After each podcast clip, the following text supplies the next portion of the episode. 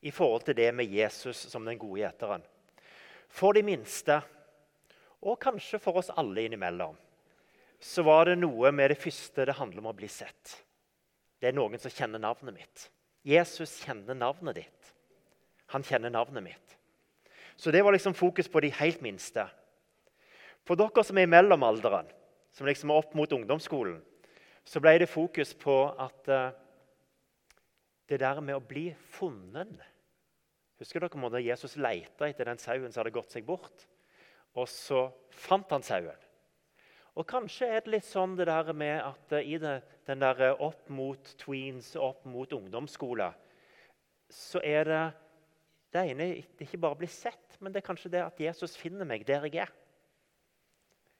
Og så var det mot de eldste ungene og kanskje opp mot voksne at det var mer fokus på det å følge etter Jesus. Hva betyr det å følge etter Jesus? Og så har jeg en film som kommer til å passe for alle. Som dere kan glede dere til, dere som er unger. Og det er, Men jeg skal ikke vise ennå. Det er om en kamp mellom sau og ulv som virkelig har skjedd i Norge. Og som ble fanga på et videokamera. Så det kan dere glede dere til. Men dere andre, hvis dere har lyst til å finne fram Jesus er den gode hyrde, sitte og tegne litt, så går dere og finner tegnesakene. Og så har dere de, hvis dere ønsker det. Eller så sitter dere bare her. Det bestemmer dere sjøl. Herren er min hyrde. Han lar meg ligge i grønne enger. Han fører meg til vann der jeg finner hvile. Han gir meg nytt liv.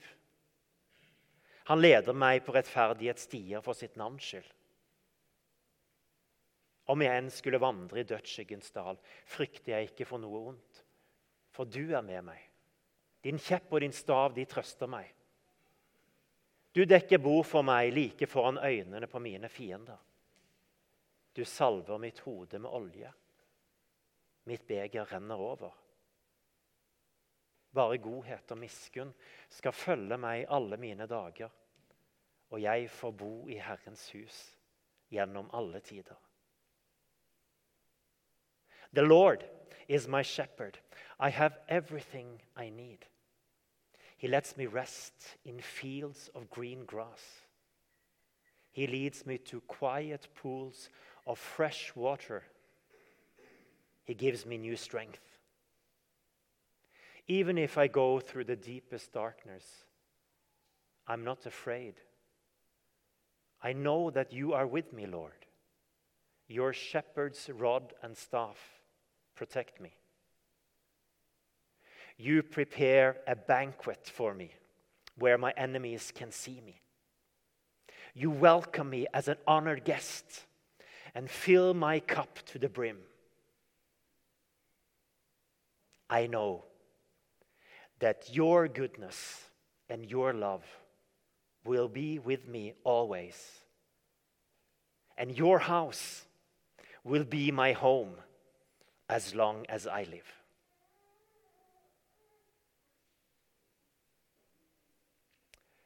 Johannes 10 så møter vi to lignelser. Jeg er porten, jeg er den gode gjeteren. To lignelser som sier noe De sier noe av det samme, for de sier noe om en relasjon. En port der en fritt kan gå inn og ut og finne beite. Og en gjeter som kjenner oss, og som vi kjenner stemmen til. Det beskriver litt den gjensidige relasjonen mellom Jesus og oss. Og så er det én ting til som Johannes måtte blande inn måtte, i denne fortellingen. Og Egentlig så har han begynt allerede i Johannes 1. For det er tre sauehistorier, eller tre sauemetaforer, om du vil, i Johannes evangeliet. Det begynner med Se, der Guds lam som bærer bort verdens synd. Og som klinger igjen når vi kommer videre i fortellingen i denne teksten med den gode gjeteren er den som gir livet sitt for sauene.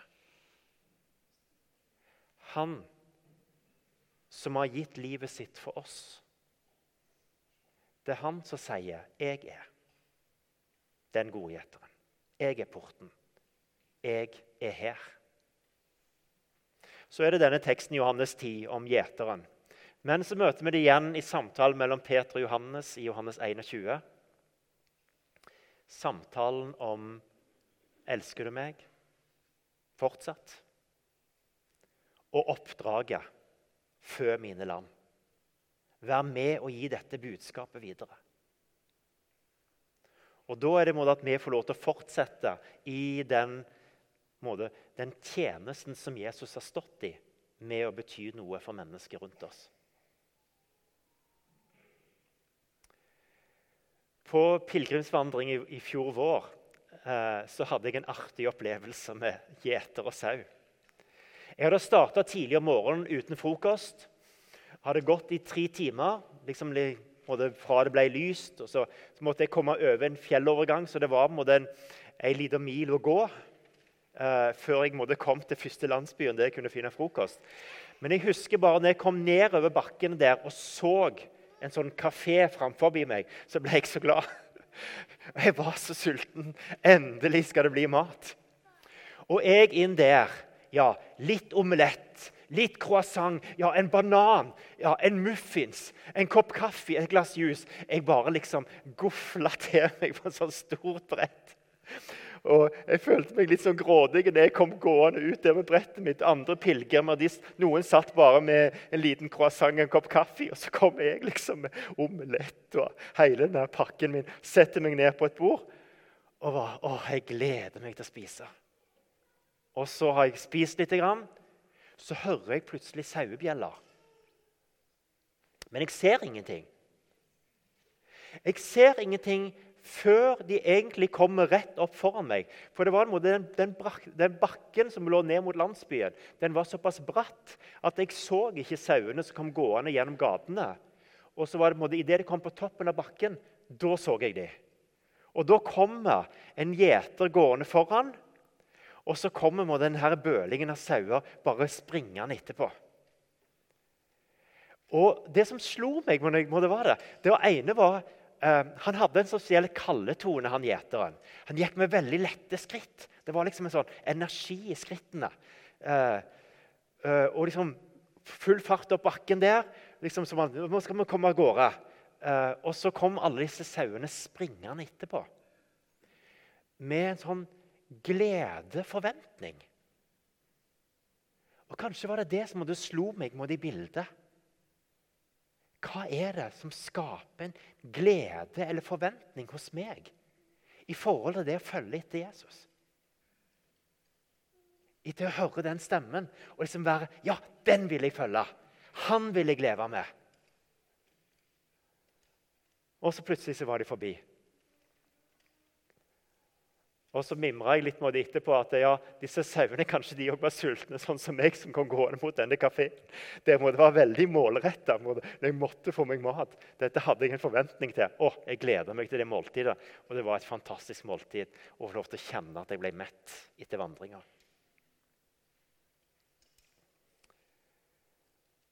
I høst så var hovedfokuset at her kan jeg være med hele meg.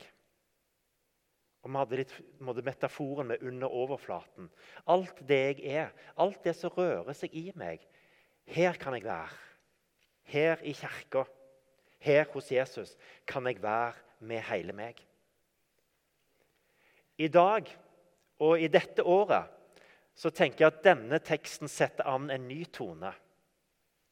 Og Det handler om å lytte til Han som sier 'Jeg er her'. Ha det godt, Annie. Han som sier 'Jeg er her'.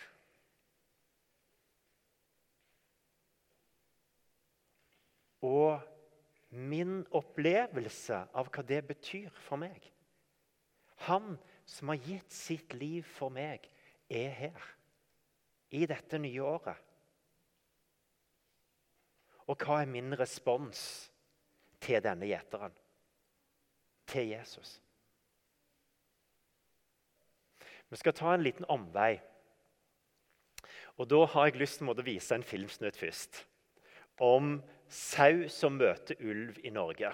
og her er hvordan det går.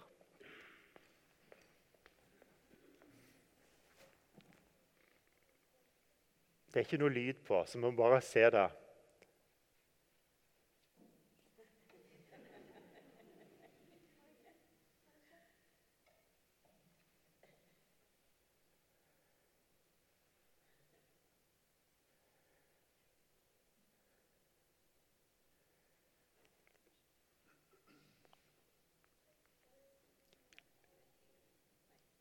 Legg merke til hvordan lammet snur seg når mora rygger.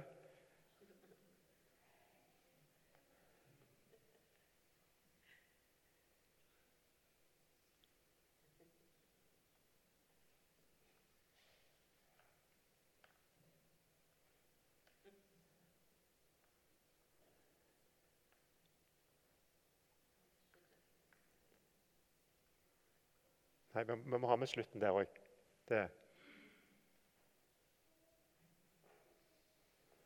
Forsvant han? Han kom, Gråbein kom en gang til, ser du.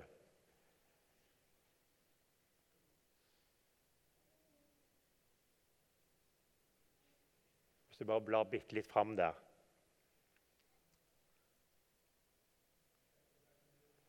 Ja. Nei da, men dere har fått poenget. Eh, man kan bare stoppe den der.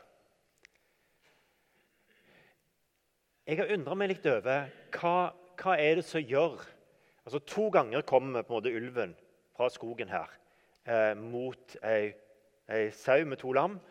Eh, og begge gangene så er det en sauemorder som jager ulven vekk.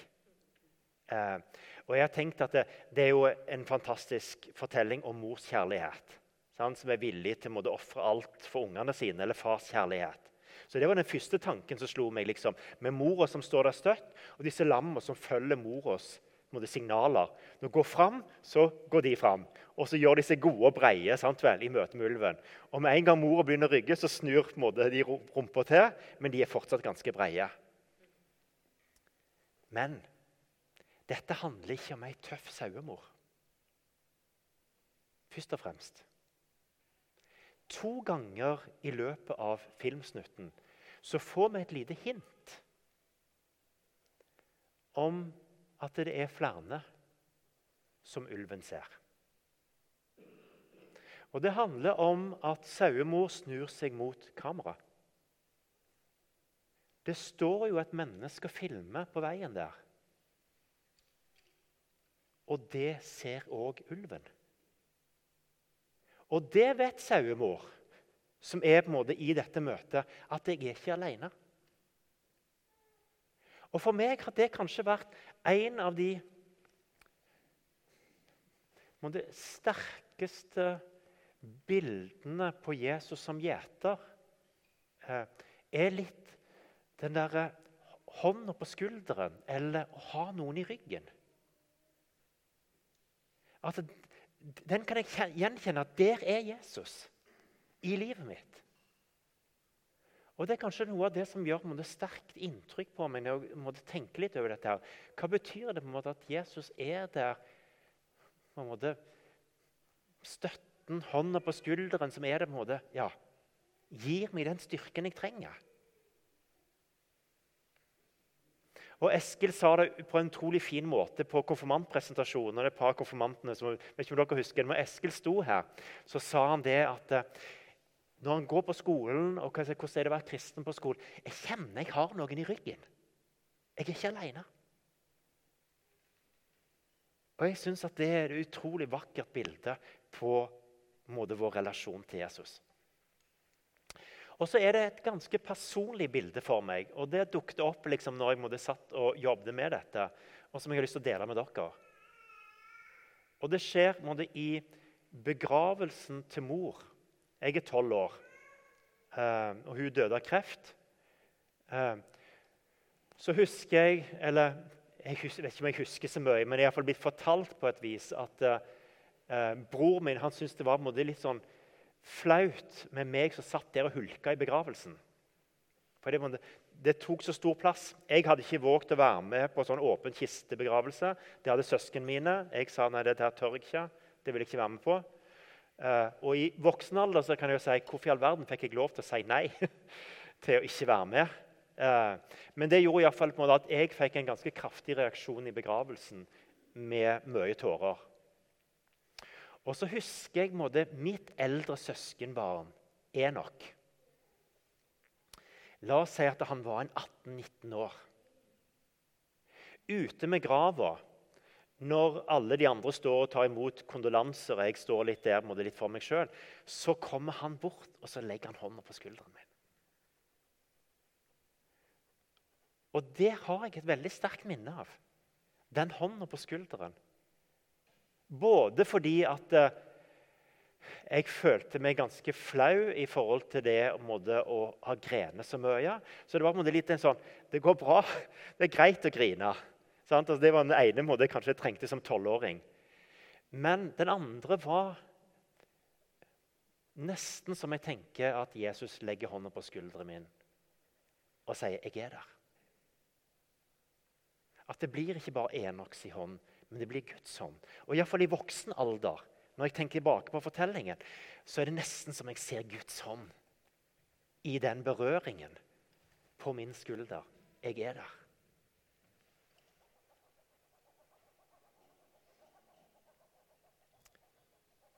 Den Jesus som har gitt livet sitt for oss, er her.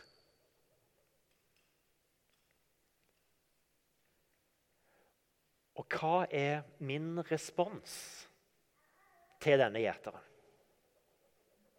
Hva er min respons til Jesus i et nytt år? Når jeg tenker at det er Jesus som står der og ønsker meg velkommen til et nytt år. Og jeg kan kjenne fornemmelsen den hånda på skulderen. Hva, hva responderer vi? Hva responderer du med?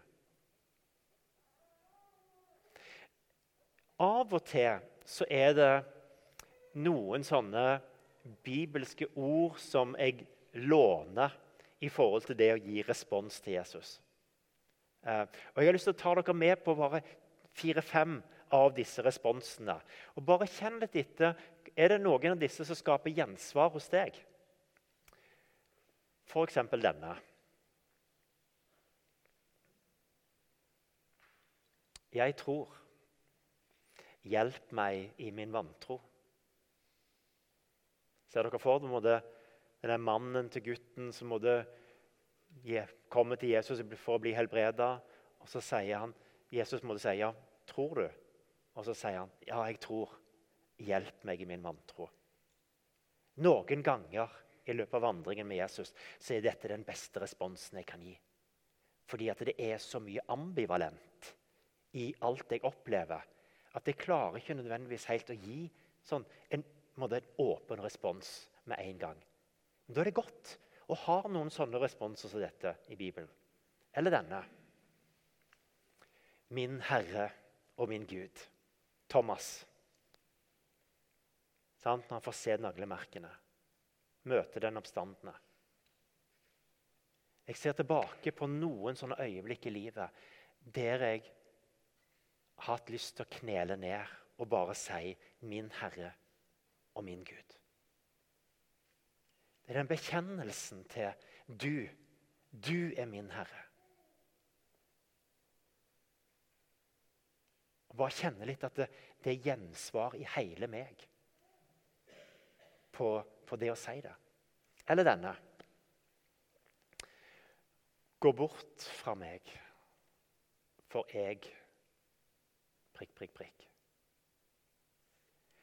Litt den opplevelsen av å ikke være god nok eller være skamfull over noe.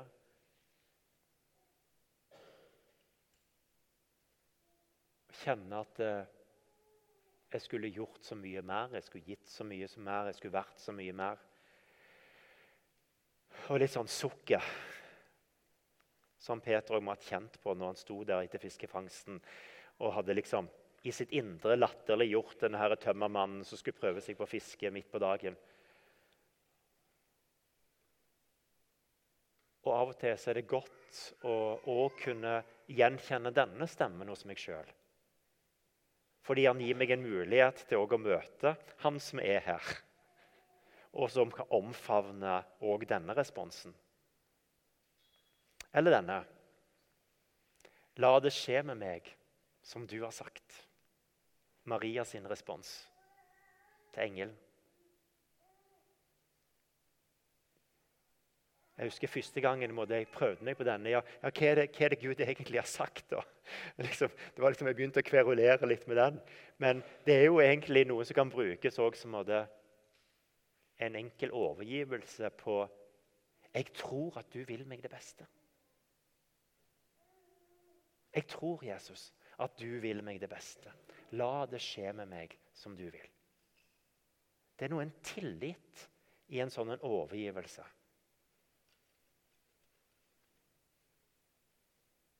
Og Kanskje visste ikke heller Maria hva helt hun sa ja til. med å si ja til det hun sa ja til, men, men likevel, det er en overgivelse, en tillit til Jesus i det. Eller denne. Husker dere den fra julesangen? På første juledag så ble denne teksten utrolig sterk for meg. Når vi sang 'Mitt hjerte alltid vanker'. Og jeg kjente bare en sånn gjenklang inni meg. For deg, for deg alene. Jeg lever, vil og dø.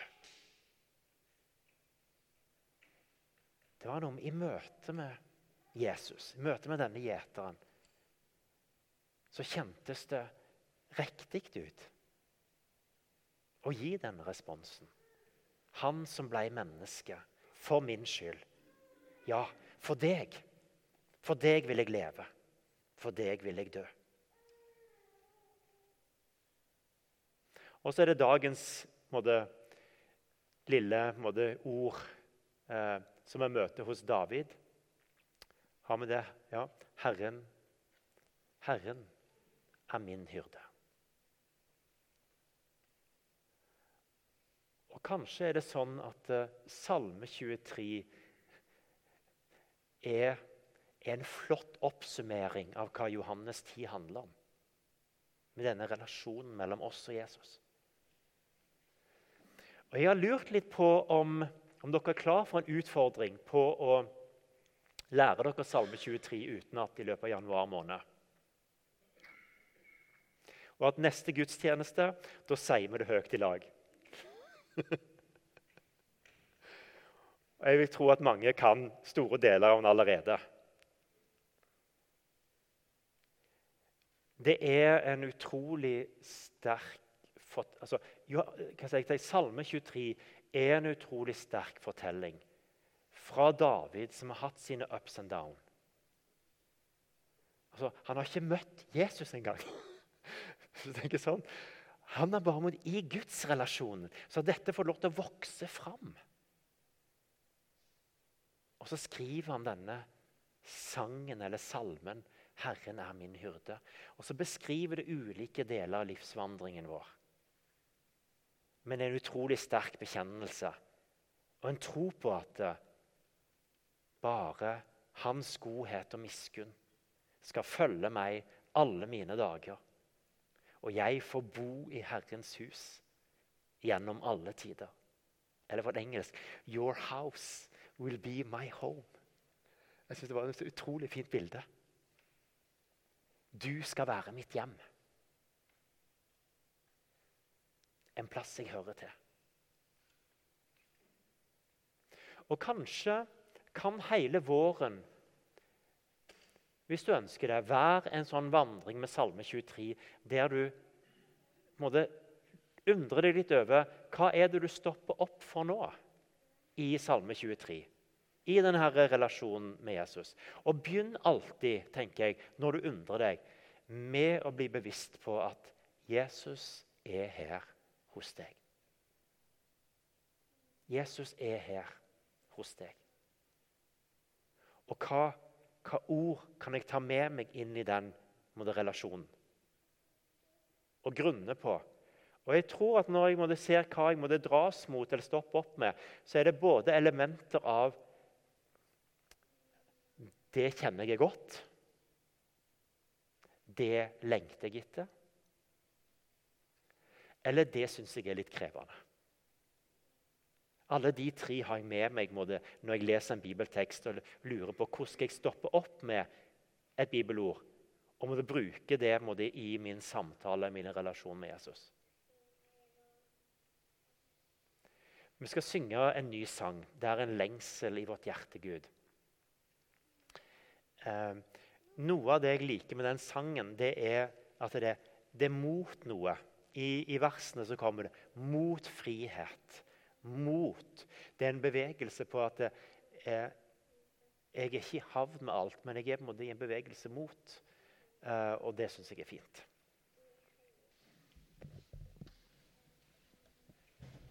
thank